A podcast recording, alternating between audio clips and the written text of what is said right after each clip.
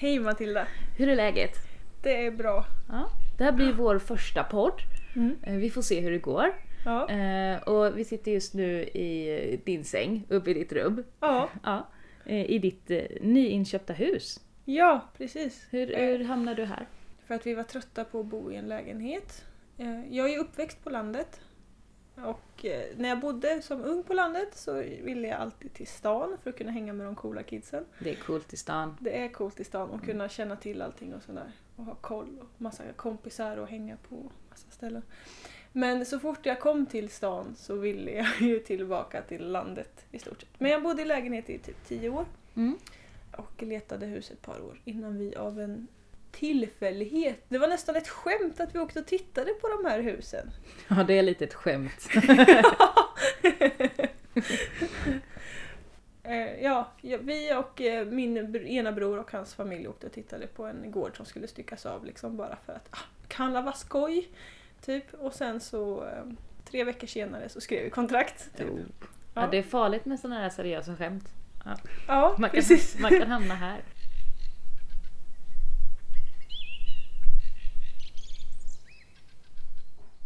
Vilka är vi? När du pratar Vilka om är vi. vi? Vi är jag, min sambo, jag och eh, våran dotter. Yes, och vi bor ju på små, småländska höglandet. Vi är Mm. grannar, typ. Det är rätt så Land, långt ifrån. land, landsbygdsgrannar. Landsbygdsgrannar, ja. Ja. ja. Och jag har ju bott här utanför Tranås, vi bor strax söder om Tranås. Sen eh, vintern 2010, i november 2010 flyttade jag hit. Och första natten jag bodde här så kom snön. Och sen låg snön till april. Och då tänkte jag det här är jobbigt. Men eh, ja, det är här jag trivs. Det här jag sitter kvar. Här jag börjar rota mig. Och jag bor ju i ett ställe som heter Tokarp. En bit härifrån då tillsammans med min man och eh, mina två barn. En eh, son på fyra och en dotter på ett och ett halvt. Så det är full fart. Så det har hänt mycket sedan vi flyttade ut 2010. Varför flyttade ni just dit? Min man jobbar i Tranås och eh, jag, eh, vi träffades i Tranås. Så att då ville vi bo kvar någonstans i närheten av Tranås. Men jag ville så gärna ut på landet och han ville också det. Eh, så då kollade vi på hus. Vad finns det för hus lediga? Och vad finns det för hus lediga som var i närheten av stan? För vi ville ändå kunna cykla. Vi har ingen bil. Och vi ville fortsätta att leva utan bil. Så det var tvunget att vara ett hus inom cykelavstånd till Tranås. Och då hade vi en mil ungefär som någon slags gräns. Eh, och det hus vi bor nu är ungefär 8 kilometer från stan. Så då var vi ute och tittade på det. Det hade legat ute ett tag, hade inte så tjusiga bilder på ämnet. Men det var ju till vår fördel då, när vi väl bestämde oss för det. Så jag fastnade för att de hade en lacksvart trapp. Det tyckte jag var coolt. Jättedålig grej när man ska köpa hus, att gå efter vilken färg det är på trappen. För det är ju det saker som är väldigt lätt att ändra på. Men vi gick framförallt på läget. Att det skulle vara nära stan. Och det var det huset som fanns ledigt. Och ja, vi fastnade för det. Mm. Det fanns ju väldigt lite odlat där innan. Det fanns ett par rabatter. Men väldigt lite land, inga växthus, ingenting som var tänkt för odling. Så, så att, eh, vi har fått gräva och bygga rätt mycket. Men då har vi också fått det så som vi vill ha det. Att vi inte är låsta vid något som någon tidigare ägare har, har komponerat fram efter sina behov. Mm, det är ju skönt. Det är ganska intressant det där med att ni valde hus utifrån cykelavstånd. För Mm. det har vi också haft som kriterium när vi har letat hus. Att vi ska Mhm. kunna cykla in till stan. Liksom. Vi ska inte vara beroende av bil. Mm. Men vi sitter ju här, eh, vi har cyklar med punktering Mm. eh, och två bilar. Mm. och vi cyklar aldrig någonstans. Nej. Vi har ju ungefär lika långt till Tranås så att vi kan Mm. ju. Mm. Du har några fler backar har du, än vad jag har. Ja.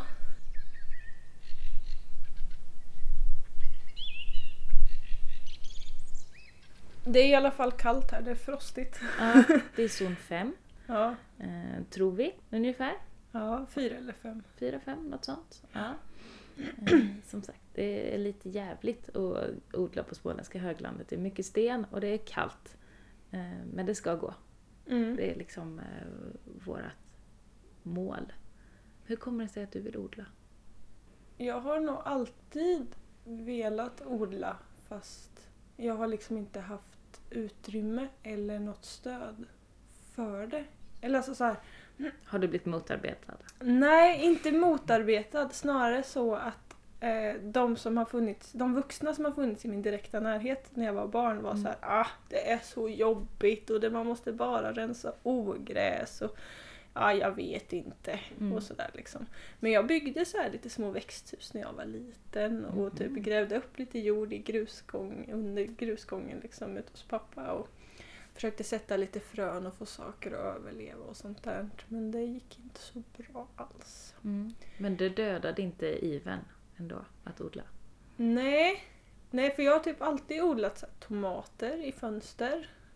Jag kan säga att det har ju varit så här 97% misslyckanden liksom. Mm. Men 100% roligt.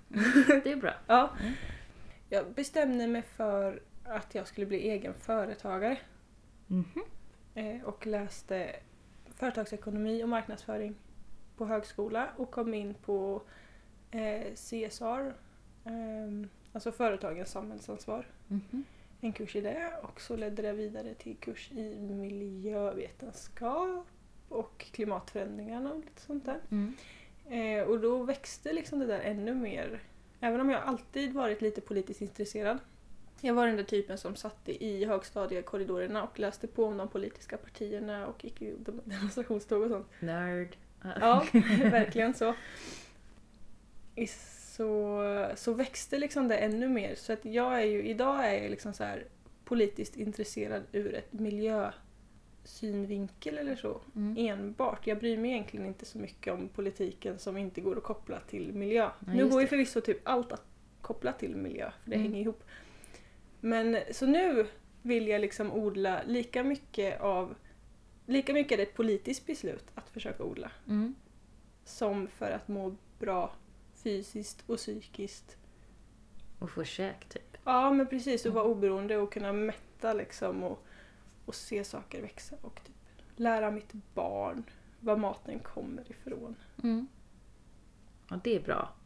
Ja, Mm. att de... eh, Man får ju inte lära sig odla i skolan. Men med de förändringarna vi ser i samhället så kanske det är en väldigt viktig kunskap om Mm. 20 år att Mm. kunna odla. Tänker Ja. jag. Ja, faktiskt. Mm. Ja, det är sunt. Det är sunt. Men så du bestämde dig liksom för att ja, jag vill bli egenföretagare? Mm.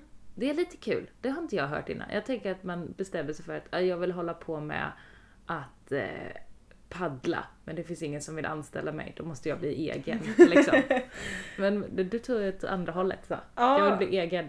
Med vad då? Ja, Ah, precis. Det är så här, jag orkar inte anpassa mig efter någon annans... Jag har jättesvårt att motivera mig till att göra saker som, är liksom, som jag inte har intresse av att göra. Och ändå är du personlig assistent. Ja, jag vet. Det är en... Ja. ja, jag, jag kan säga att jag brottas med det ungefär 40 timmar i veckan. Ja, just det. Ja, det är så. Ja. Så. Nej men där, nu är det en helt annan diskussion förvisso Mm. men man, ibland kan jag motivera mig för att jag, gör, jag ser ju att jag verkligen gör skillnad. För Mm. gjorde inte jag mitt jobb så skulle personerna jag är i närheten av inte kunna leva sina liv överhuvudtaget. ja, just det. Ja, men det är viktigt faktiskt. är det det, är inte, det är inte ett onödigt jobb. Det är Det, verkligen det inte är ett väldigt viktigt Mm, jobb. det det. Sen eh, finns det mycket inom det jobbet som jag kanske kan rasa över väldigt Just det. många gånger. Mm. Så, ja. så jag, jag tänkte jag skulle starta en webbutik då när jag blev egenföretagare. Sen blev jag gravid liksom och Mm. låg kräktes i fyra månader så det blev inte så mycket av det där. Nej, Nej. nej. Jag känner igen det där. Ja. ja. Ja. Men varför odlar du då Matilda?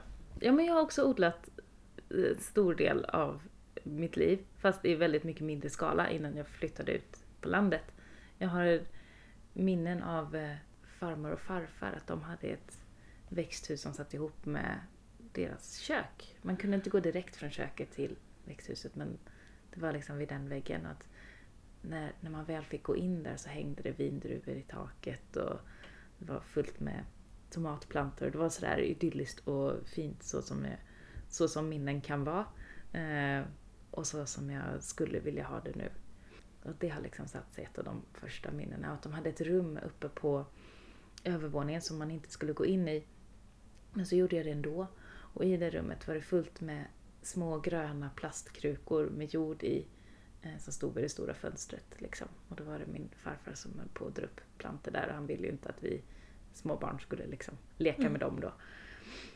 Och sen när jag blev ännu lite äldre så byggde min pappa ett, eh, en liten drivbänk nere i källaren med, ett, med lysrör och två glasskivor eh, som lock. Eh, och jag gillade inte att gå ner i källaren, det var liksom mörkt och läskigt. Och, Mm. ja, man ska inte vara nere i källaren så. Eh, men när vi hade byggt den där drivbänken och tagit fram de där små plastkrukorna igen som då var svarta. Eh, fyllt med jord och stoppat i små frön så ville jag ju ner dit och kolla så då passade jag på när pappa ändå gick ner och rökte och, att, och fyllde på i pannan. Och titta i den där, eh, hur går det för alla små frön och vattna med den lilla plastvattenkannan. Och så byggde vi ett växthus i kanalplast som stod ute på gården liksom och försökte få det där att överleva eller plantera ut i rabatterna. Så, där. så det är mycket minnen liksom från när jag var liten att, ja, att sätta frön och försöka se det gro. Mm. Eh, Sen blev jag större och tonåring och trotsig och tyckte inte att det var så roligt med det där. Och så flyttade jag hemifrån, flyttade till Tranås och började odla lite på balkongen. Sen växte jag ur balkongen. Det, det växte liksom åt alla bredder på den där balkongen. Jag fick liksom inte plats med det jag ville. Så då ville jag flytta ut på landet igen. Därifrån. Jag kommer ju ändå därifrån, från landet. Även om det inte var Tranåslandet. Så då flyttade jag och min man ut till hus. Och sen dess har vi grävt och byggt och fixat massa små land och växthus och vi har skaffat höns och eh, bin för att kunna bli mer självförsörjande. Att vi har det som något slags mål att bli mer och mer självförsörjande år från år. Sen har vi inget exakt mål att vi vill kunna vara självförsörjande på en viss sak under en viss tid eller något sånt där. Utan det, det är ett väldigt luddigt mål om att vara mer oberoende. Men jag tycker det är så härligt att se saker växa. Mm. Det är nog mycket det att liksom, det här magiska med att, att stoppa ett frö i en liten plastkruka och så, så växer det liksom. Det, det är helt fantastiskt. Mm. Det är det. Och sen det svåra är att få det att överleva och ge någonting. Men just den här första delen, det är den jag är Mm. mest förälskad i. Att se det gro liksom. När man ser det gröna som börjar anas under jordet liksom och det börjar så här sprängas igenom. Mm, Mm. precis. Men varför vill ni bli självförsörjande för? Ja men det är det här med folk alltså.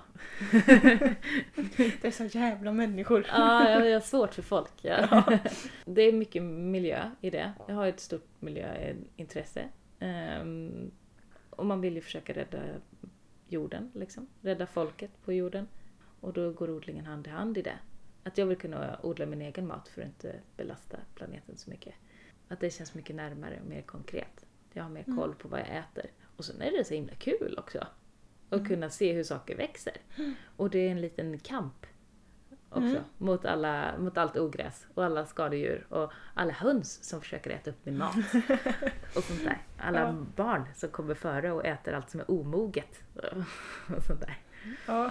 Man uppskattar ju den maten mer som man har odlat själv. Mm. Ja, Jag tycker vi käkade lite mackor här innan vi började spela in och jag tycker ju att den där spenatbladen som låg på dem var ju himmelskt goda. Måste Du har odlat dem själv! Yes!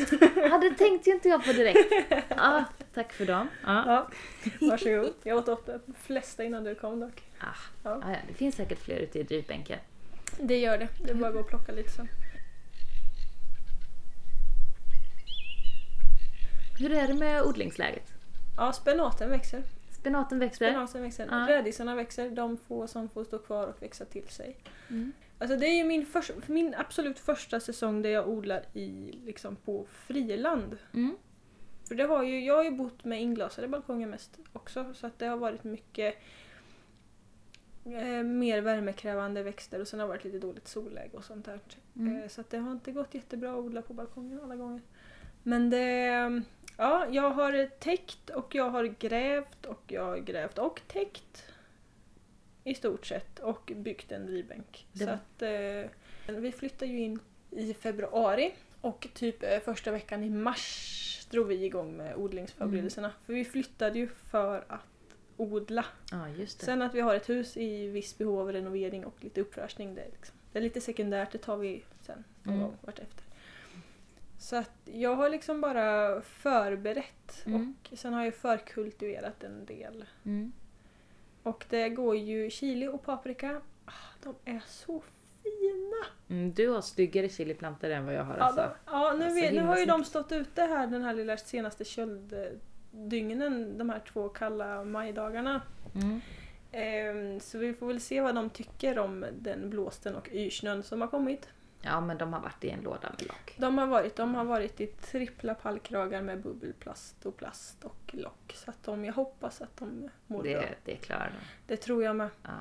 Eh, men då, ja, de är jädrigt fina. Och jag har några fler som är sådda lite senare liksom, som bara är 10 cm höga. Mm. Som står inne i mitt växtrum som också är på gång. Och de är också så här, åh de är så fina. Eh, tomaterna, mm, nja, det är inte mitt tomatår i år alltså. Nej okej. Ja. De ser ganska tråkiga ut. De blir rangliga av någon jäkla anledning. Jaha. Och jag lyckas inte klura ut varför. För lite sol kanske eller? Ja men de står ju under växtbelysning. Jaha. Och de står ju inte för varmt liksom. Utan, Nej. ja, jag har koll och det där rummet det pendlar ju förvisso lite med väder och vind ute och såna saker. Men det ligger liksom på mellan typ 14 och 22 grader där inne. Mm. Kan vara någon så här värmetopp liksom där det är 28 grader när solen gassar någon Mm. kortis och sådär. Men, ja. men nej, de vill inte riktigt. Och sen har jag nog varit lite tuff vid dem med. De åkte ut på avhärdning, några av dem lite för tidigt. Mm. Ja, det har ju varit en besvärlig vår kan man säga. Ja, innan påsk var det jättefint. Mm. Och varmt och skönt och man bara yes, nu! Nu kan vi börja avhärda och Mm. åh vad härligt det ska bli. Och sen kom påsken och snön. Mm. Sen har det varit kallt och frost. Det snöade ju igår faktiskt, eller haglade gjorde det hemma Mm. hos mig. Jag gjorde det här med i Mm. flera omgångar och Mm. blåste. Mm. Väldigt mycket blåst för att det var fint på kvällen. Ja. Ja. Jag känner lite att jag vill dö varje gång det haglar nu. det är jättejobbigt. Usch. Det är som vädret hårdnar mig. Jag tar det verkligen personligt när, det, när vädret går emot mig. Det är inte okej. Nej, men du har ju dina växthus ändå. Så Mm. du har ju lite skydd. Lite skydd har jag. Men det är saker som har dött i växthusen också nu den här Mm. våren. För Mm. att jag har varit för snabb. Alltså jag, eh, jag odlar, har ju odlat rätt mycket själv i några år. Och sen så har ju min man bredvid mig eh, hela tiden. Men han har mest varit den som gräver land, bygger växthus. Ger mig förutsättningar för att kunna få en bättre skörd. Men nu de här, ja, de senaste åren, året, jag vet inte. Så har han börjat intressera sig mer för själva odlingarna. Och på gott och ont då. Det är jättekul att kunna dela det med någon och få hjälp eh, med det av någon. Men samtidigt så, så går han ju på några av de missar som jag liksom har kommit över. Och jag har inte hjärtat liksom, nej men vi kan inte så tomaterna i januari. Det kommer inte. Jag, jag vill liksom inte bromsa honom i det och vara så här besserwissrig och liksom nej, det funkar faktiskt inte här eh, i zon 5. Så att, vi har ju satt väldigt mycket alldeles för tidigt i år. Inte bara på grund av honom, men ja, jag skyller gärna på honom. Och sen så när jag väl har satt någonting så går det liksom igång att jag fast när jag har satt den så två veckor senare ska jag sätta det och sen två veckor senare ska jag sätta det. Så det är jag som har fortsatt i den här onda cirkeln. Så att jag har väldigt mycket som är lite för stort och då så har jag satt ut det lite för tidigt och när det kom de här köldknäpparna nu som vi inte brukar ha så här kalla köldknäppar den här delen av året så har ju en del eh, fryst bort. Och det är tråkigt. Mm. Särskilt med sånt som inte går att sätta igen. Så när kronärtskockan, några av dem, frös sönder, då blev jag ledsen. För att det är liksom... Det, ska ju, det sätter jag ju det första i januari, februari. Där. Så det kan jag ju inte sätta nu för det hinner inte bli klart. Nej, det är jäkligt tråkigt. För det har, ju, alltså det har ju varit det svåraste. Nu, jag har ju odlat i zon 3 förut. Eh, I tung lerjord. På Eller slätten. på slätten, mitt på Östgötaslätten. Liksom. Och sen så flyttade jag hit där man helt plötsligt är zon... Jag har ju bara så här envist hävdat hela våren att det är zon 3-4 för att vi har bra läge. Nej, Nej. ja men så här, rent mikromässigt Mm. så har vi öppet i, mot söder och vi har skydd mot norr och lite såna här saker av skogen och grejer. Så att Mm. ja, Du lurar dig själv. ja jag, har, jag har levt i förnekelse. Ja. Så kan vi säga. Mm. För sen var ju vi och eh, besökte eh, Hattsjöhult utanför, Nässjö. precis. Och Marie där sa ju att hon odlade i zon 4-5. Mm. Men hennes äppelträd blommade. Mm. Mm. Det gör de inte här. Det gör de verkligen Nej. inte. Vi Jag- har precis börjat få knopp Ja. på, alltså lövsprickningen, nej, Nej. börjar lite små. Syrenerna har börjat slå ut sina blad lite försiktigt. Ja, det har de hemma hos mig också. Och Men- jag såg den första körsbärsblomman igår. Oh, Mm. Jag ser att du har ett träd bakom utanför Ja, fönstret här som jag precis. tror är körsbär. Ja det är körsbär. Ja, men jag ser ingen blom på det. Nej, Nej, vi får gå ut och kolla. Det var liksom bara en blomma igår. Mm. Så så att då blir jag så här, shit, då kanske jag kanske är zon 5-6 Mm. här då. kan det nog vara. Vad i helvete, Ja, vi är nästan jag. uppe i Norrland nu. Fast Ja. vi ändå är i södra Sverige. Precis. Men det här höglandet är, det är åt helvete. ja, varför, var- varför talar ingen om det för mig? Ja, och det är så Innan. dumt här. Vi tänker att vi ska, vi ska köpa hus för att vi vill ha ett visst läge. Läget är det enda vi inte kan ändra på. Så köper vi ett läge som är liksom åt helvete. Ja. Så, Råd till alla som letar hus och vill odla. Odla Kolla växtzonskartan noggrant. Ja. Det finns, man kan hitta det man får län för län. mm, Lite mer detaljerat. Kolla den innan ni slår till så slipper ni det här. Så. mm. Ja, det är inte det bästa läget. Men då, eh, ja, då får vi kämpa med det då. Nu, Mm. jag har liksom kämpat emot vind de här, de här åren då jag har försökt odla här. Och jag brukar tänka på hösten, var är min mat? Liksom. Mm. Det, ja, jag tappar suget efter ett tag. Runt midsommar så brukar, jag, brukar ogräset ha tagit över och jag inte orkar mer. Men nu, nu vänder det. Jag tänker så varje år, men i år tror jag faktiskt att det gör det. Så att det kommer bli eh, en hel del mer käk eh, till hösten än vad det brukar vara. Och jag tror att det har att göra med att jag försöker då liksom inte jobba mot den här eh, zonen längre. I alla fall i tanken, sen är praktiken lite efter ändå att jag sätter alldeles för tidigt och allt det där som jag sa innan. Men ja, det är en process, man kan inte ändra allt på en gång. Liksom. Men att försöka jobba med eh, zon 5 istället för mot zon 5. Eh, ta sånt som har en kortare utvecklingstid och sånt som är härdigare. Och, eh, jobba mer i växthusen. Mm. Så som jag, jag tycker ändå växthusen är väldigt roligt. Jag har ju tre växthus hemma.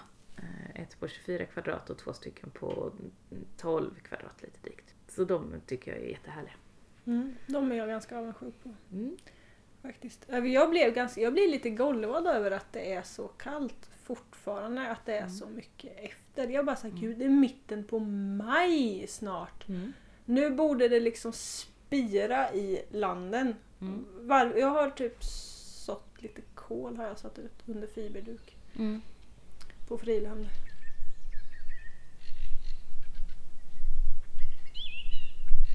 Och jag tänker så att det blir så himla kort. Mm. Kort period när det liksom växer och gror. Allting ska liksom ner i maj och sen ska det liksom få köra på maj, juni och sen får man skörda som en jäkla galning i juli. Mm. Och sen så, för jag antar ju att kylan kommer ungefär lite, lika tidigt som den liksom var sen med att Mm. lämna kanske. Ja, precis. Ja, helt plötsligt så sitter man här typ i Norrbotten. Fast, på, och då har fast mitt i Småland. vi, och mitt i Småland, och i, i Norrland har de ju också ljus mycket längre än vad vi har. Så att, Ja, eh, vi de har ju inte- den fördelen. Ja, Åh gud. ja. Så är det. Välkommen till höglandet. Ja. En kombination av dåligt eh, odlingsklimat och bibelbälte. Det är liksom... Ja. Mm. ja, min faste varnade mig för att flytta hit. Mm. Och jag vet inte, hon kanske hade sina poänger. Ja, ja, det är lite stretigt ibland. Ja. ja, men det som inte dödar det här där. Mm. Så är det ju. Det kommer det bli så himla bra när, när det bara prunkar i eh, juli, augusti. Då det är jättefint här. Mm. Åh vad fint det kommer vara. Ja, det kommer det vara. Jag funderar på när jag ska hinna bygga växthus. Mm. För jag tänker, vi, vi är ju också inne på det där med att vara, eh, försöka vara självhushållande Mm. i stor grad. Liksom. Mm. Och en av de grejerna som jag verkligen tänkte försöka med det är det här med bladgrönt. Mm. Liksom, att inte köpa sallad. Mm. För det här känns så himla onödigt oftast Mm. när man vet att det går att riva upp. På, på bara ett par veckor så får du liksom babyspenat att käka själv. Mm. Och det tål ju dessutom ganska låga temperaturer, typ 3 eller 5 grader något sånt där kan det Mm. växa i. Men jag måste ju ha ett växthus då. Mm. Drivbänken funkar ju liksom något sånär. Det funkar jättebra tycker jag. Ja, ja, den funkar men jag vill liksom kunna gå in och inte behöva stå där och frysa och ta av sig vantarna Mm. och liksom in och gräva i drivbänken. Mm. Och sen blir ju kruxet lite känner jag att när man lyfter på glaset till drivbänken så bara sugs det in kall luft Mm. och all varm luft bara försvinner ut. Just det. Och efter, nu är den drivbänken jag har byggt är ju drygt en meter bred och tre meter lång så att den är ju ganska rejäl liksom. Det är Mm. ingen liten pallkrage så utan den är ganska maffig. Mm. Och rätt så hög också. Mm. Den är bekväm arbetshöjd på den. Ja, det är precis lagom att man typ kan sitta på knän. Jätteskönt att liksom Mm. greja i den när man plockar bort rutorna. Ja. Och din, din fyraåring har perfekt sträcker in handen. Ja, det, det är verkligen så perfekt. Ja, hon når ju bara om man, från den lägsta kanten, från framsidan, att kunna plocka liksom. Mm. Från den bakre kanten så når hon inte, så vill inte jag att hon ska in och riva upp alla rädisor. i- så, så öppnar jag alltid där bak och sen plockar jag lite. Liksom. Det är en vits med det. Ja. ja, men det gäller så här, det är ju jättebra att odla med barnen men de är ju liksom, de är inga bra medhjälpare. De är Nej. verkligen medskälpare. Mm. Det är de. Så att det gäller att, ehm, att andas och räkna till tio ganska ofta. Mm. Eh, och försöka hitta sätt att liksom låta dem vara med utan att liksom vara mitt i allt. Mm. När vi planterade kålen så var Thea med och då, då fick hon liksom en, en dunk vatten att leka med i sin grushög som hon har. Mm. Eh, och sen så fick hon order att vattna för jag ville inte att hon skulle börja pilla med plantorna. Nej. För de, det är inget bra kolår, och kolår för mig heller. De blir eh, gängliga och dana. Mm. Eh, Jag har aldrig haft ett bra kolår, vill jag bara säga. nej, Nej. ja, men det är skönt att Mm. höra. Men jag ska ju förkultivera min kål i växthuset nästa år. Ja, det är jag. Mm. Skippa hela det här inomhusbiten liksom, Mm. och förkultivera så mycket som möjligt utomhus. Eller i liksom, växthusen. Mm. Växthus, en sa jag till och med. Ja, det är bra. ja, Ja. det blir flera. Det är planer här. Ja. Ja. Men då fick hon liksom springa med vatten från den där dunken och till oss och hälla i hålen. Det är bra. Oskar grävde hål och Tia hällde vatten och jag fick försiktigt sätta i den där lilla gängliga, mesiga Mm. saken som var en kolplanta. Mm. Nu vet jag ju att hälften av dem har dött men eh, de andra kanske överlever. Ja. Och de som har dött de kommer bara få bytas ut så har jag ju liksom andra kol som Mm. får stoppas i. Att hela tiden ha ett överflöd. Det är bra. Mm. Att försöka med det. Mm. Ja, för mycket dör ju. Mm. Så är det ju bara.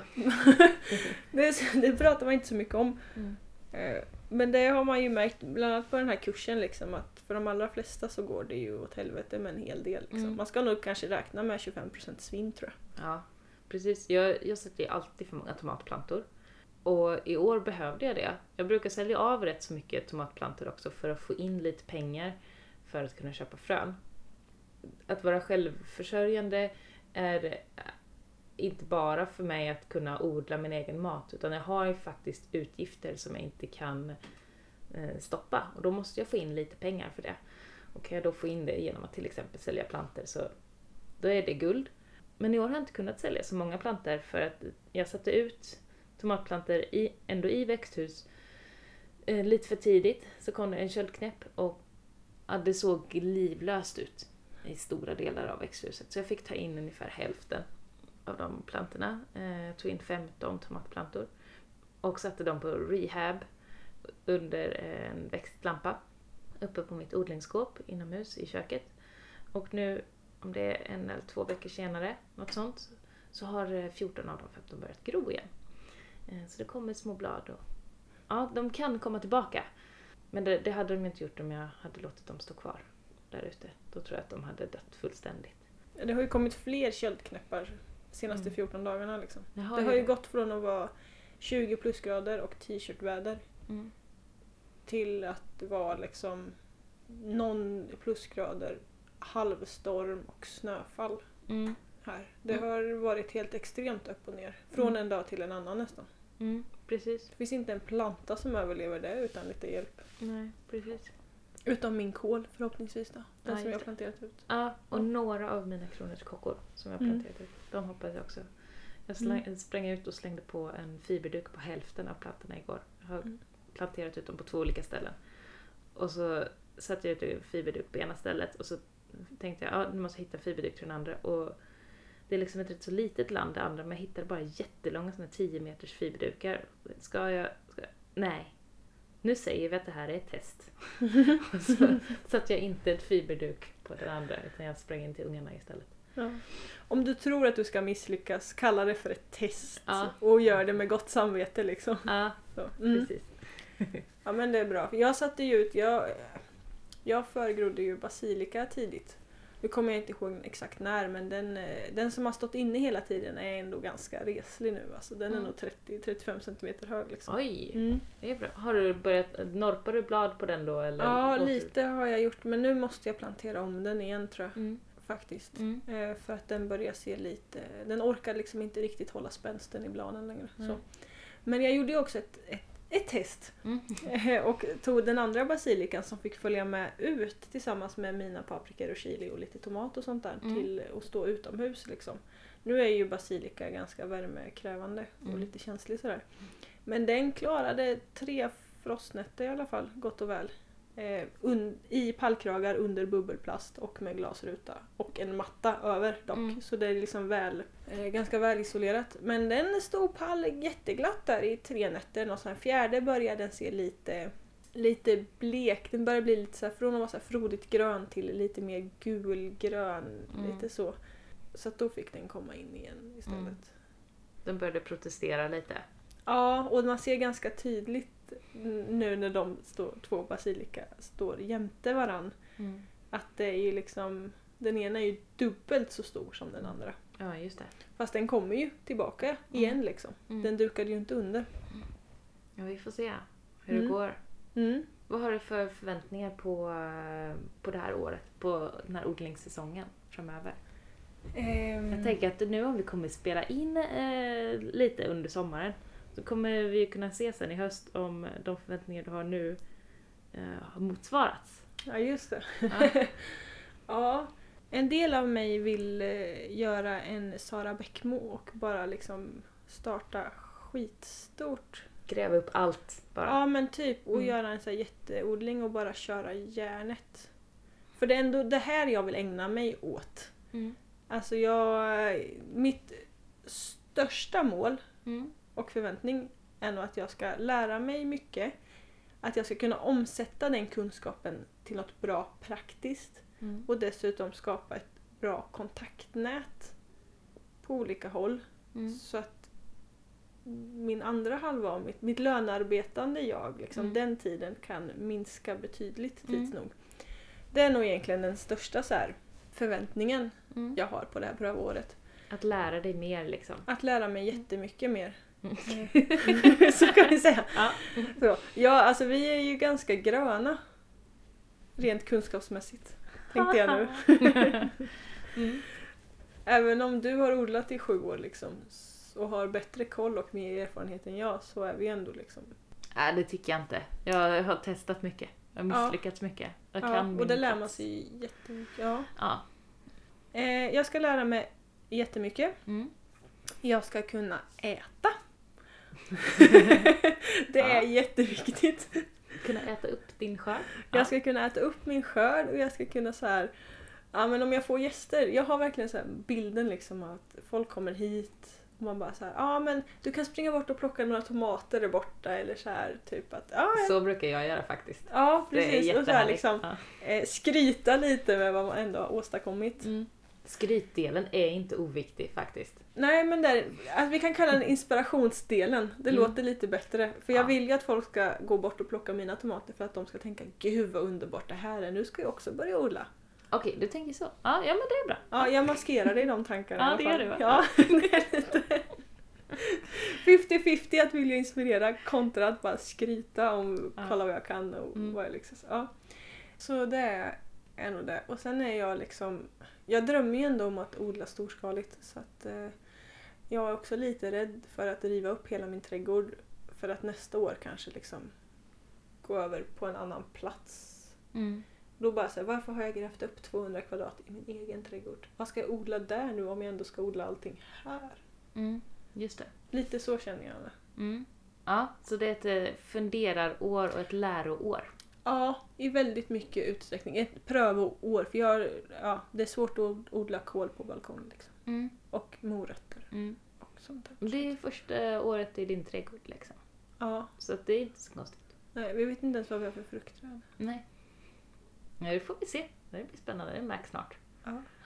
Mm. Mm. För mig är 2017 stora pumpa-året. Eller ja, det, det, just nu är, är det stora pumpåret, tänkte jag. Um, jag totalsnöade in på att göra någon form av odlingslimpa med pumpa när vi var i det här Hattsjöhult på den här kursen som, som du och jag gått på då. För där hade hon en stor uh, odlingskulle med jättemånga Mm. olika pumpor och squash och sånt där. Eh, Så det vill jag göra en minivariant av hemma i min trädgård. Så jag vaknade tidigt på morgonen och bara, jag måste ha pumpa. Jag måste beställa frön nu. Så jag tassade upp där innan någon annan hade hunnit vakna. Och bara, bara roffade åt mig av alla frön som finns på nätet. Och hoppas att de dimper ner i min brevlåda typ idag. Så att jag kan eh, börja sätta massa pumpa. Eh, lite pumpa hade jag ändå tänkt sätta, så att några plantor har jag på balkongen. Eh, av sån här gigantisk pumpa, sån här världsrekordsort. För att jag ville odla någonting jättestort tillsammans med min fyraårige son. Det skulle vara kul om man kunde ha en pumpa som är liksom så stor så han kan gömma sig i den. Eller åtminstone bakom den.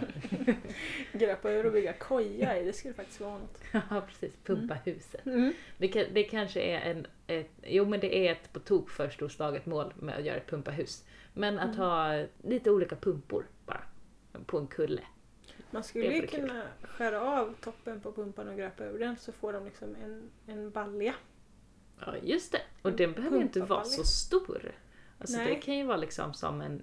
Undrar hur det funkar att odla en sån? Åh, det får vi veta i höst. så bra. Det, det blir spännande att veta. Eh, ja, Mm. ja. Jag vet inte, den borde ju liksom komposteras och ge näring Mm. till det man odlar i den. Mm. Långsiktigt liksom. Om man dessutom typ gräver ner den sen. Det blir spännande. Mm. Ja, ja, det får vi se. Det kanske Mm. är kalasbra att förkultivera något som ändå kan stå, ja men så här typ persilja som man kan plantera ut i liksom samlingar, så här små I tussar. knippen liksom. Ja, och förodla det i pumpa för då kan du liksom bara gräva ner hela pumpa halvan halv liksom komposterad på plats sen. Det blir 2018. Sen får vi se hur det har gått med rafflande följetong här. Ja, precis. Mm. Så att eh, nu är det pumpans eh, år i eh, Tokarp. Och så får vi se vad som händer mer. Det, det händer liksom så mycket hela tiden även om man tycker att tiden står still. Så att det, det är svårt att ha liksom ett långsiktigt, att veta i förväg vad som kommer att bli liksom årets stora grej. Men just nu känns det som pumpa bara för att jag är så inspirerad av just pumpa.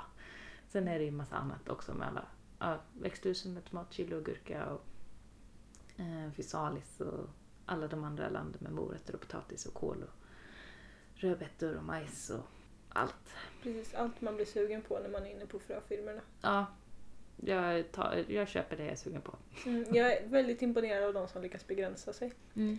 Ehm, mm. På tal om de där kullarna. De var väldigt inspirerande de där pumpakullarna Mm. faktiskt. Mm. Och sen slog det mig nu när vi satt och pratade om det precis nu att de skapar ju säkert ett ultimat mikroklimat innanför. För de var Mm. ju åt syd där. Mm. Det öppna. Sen, för sen var det ju skog och byggnader och sånt där. Mm. Så jag tänker att de borde ge ett bra vindskydd Mm. och såna här saker. Och så blir det en jättebra sydsluttning åt ena hållet och sen Ja. så en norrsluttning åt andra då. Precis. på själva kullen. Mm. Och sen ett vindskydd. Ja. Alltså det var så... Gud, måste åka tillbaka dit och bara ha tid att sitta och tänka igenom allt lite mer noggrant. Vi åker dit när det växer lite mer. Slutet av sommaren. Mm. Någon gång.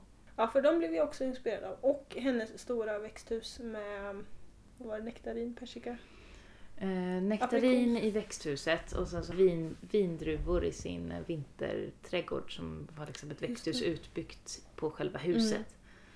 Och det är ju en sån, sån dröm jag har att ha ett växthus som sitter ihop med mitt hus.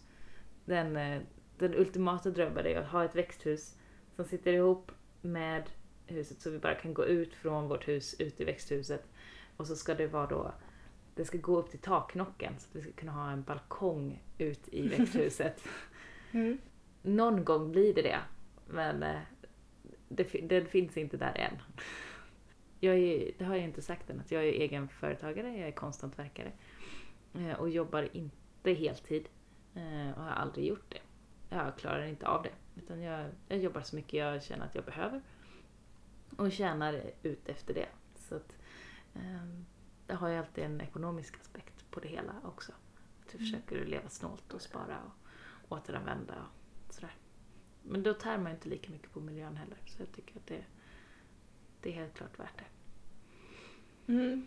Ni blir ju rika på tid med Det blir vi. istället. Och så är det rätt skönt att vara sin egen chef. Mm. Jag förstår precis vad du menar. Det är bra.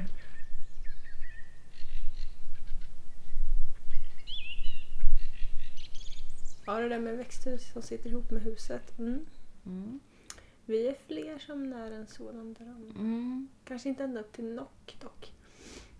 Ja, det är den här att kunna gå ut på balkongen. balkongen. Liksom. Vi har ju vårt sovrum åt det hållet där vi vill ha växthuset. Så kunna ha en balkong ut från sovrummet där man bara kan gå ut och Ja, liksom det.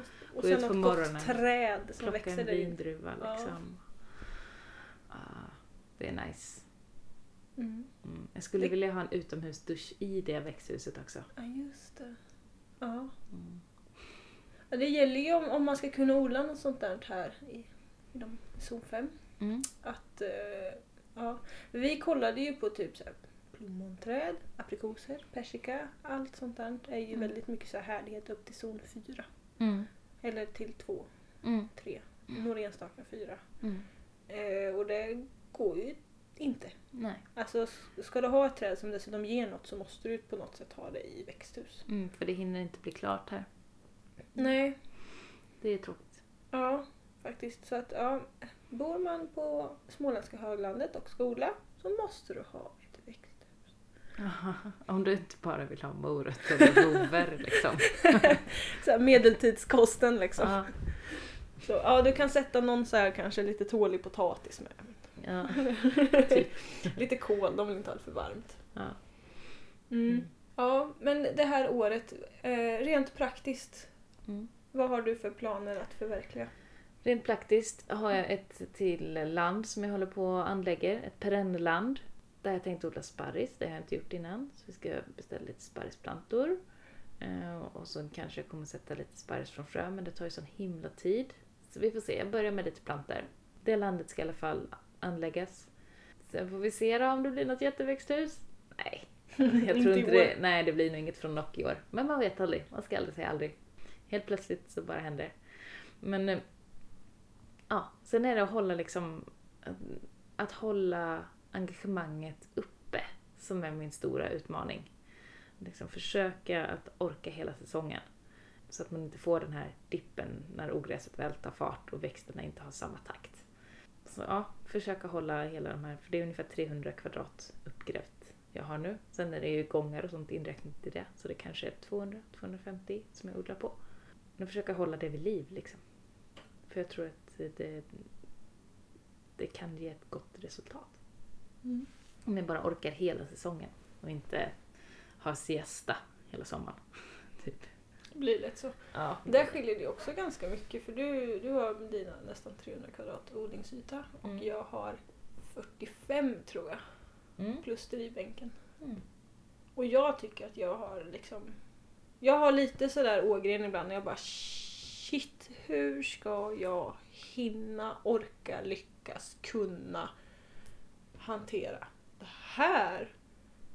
Samtidigt som jag har liksom långtgångna planer i huvudet på att liksom odla på typ 600 kvadrat. Liksom. Ja, just det. Så, eh, ja, typ redan nästa eller om två år eller något sånt där. Ja.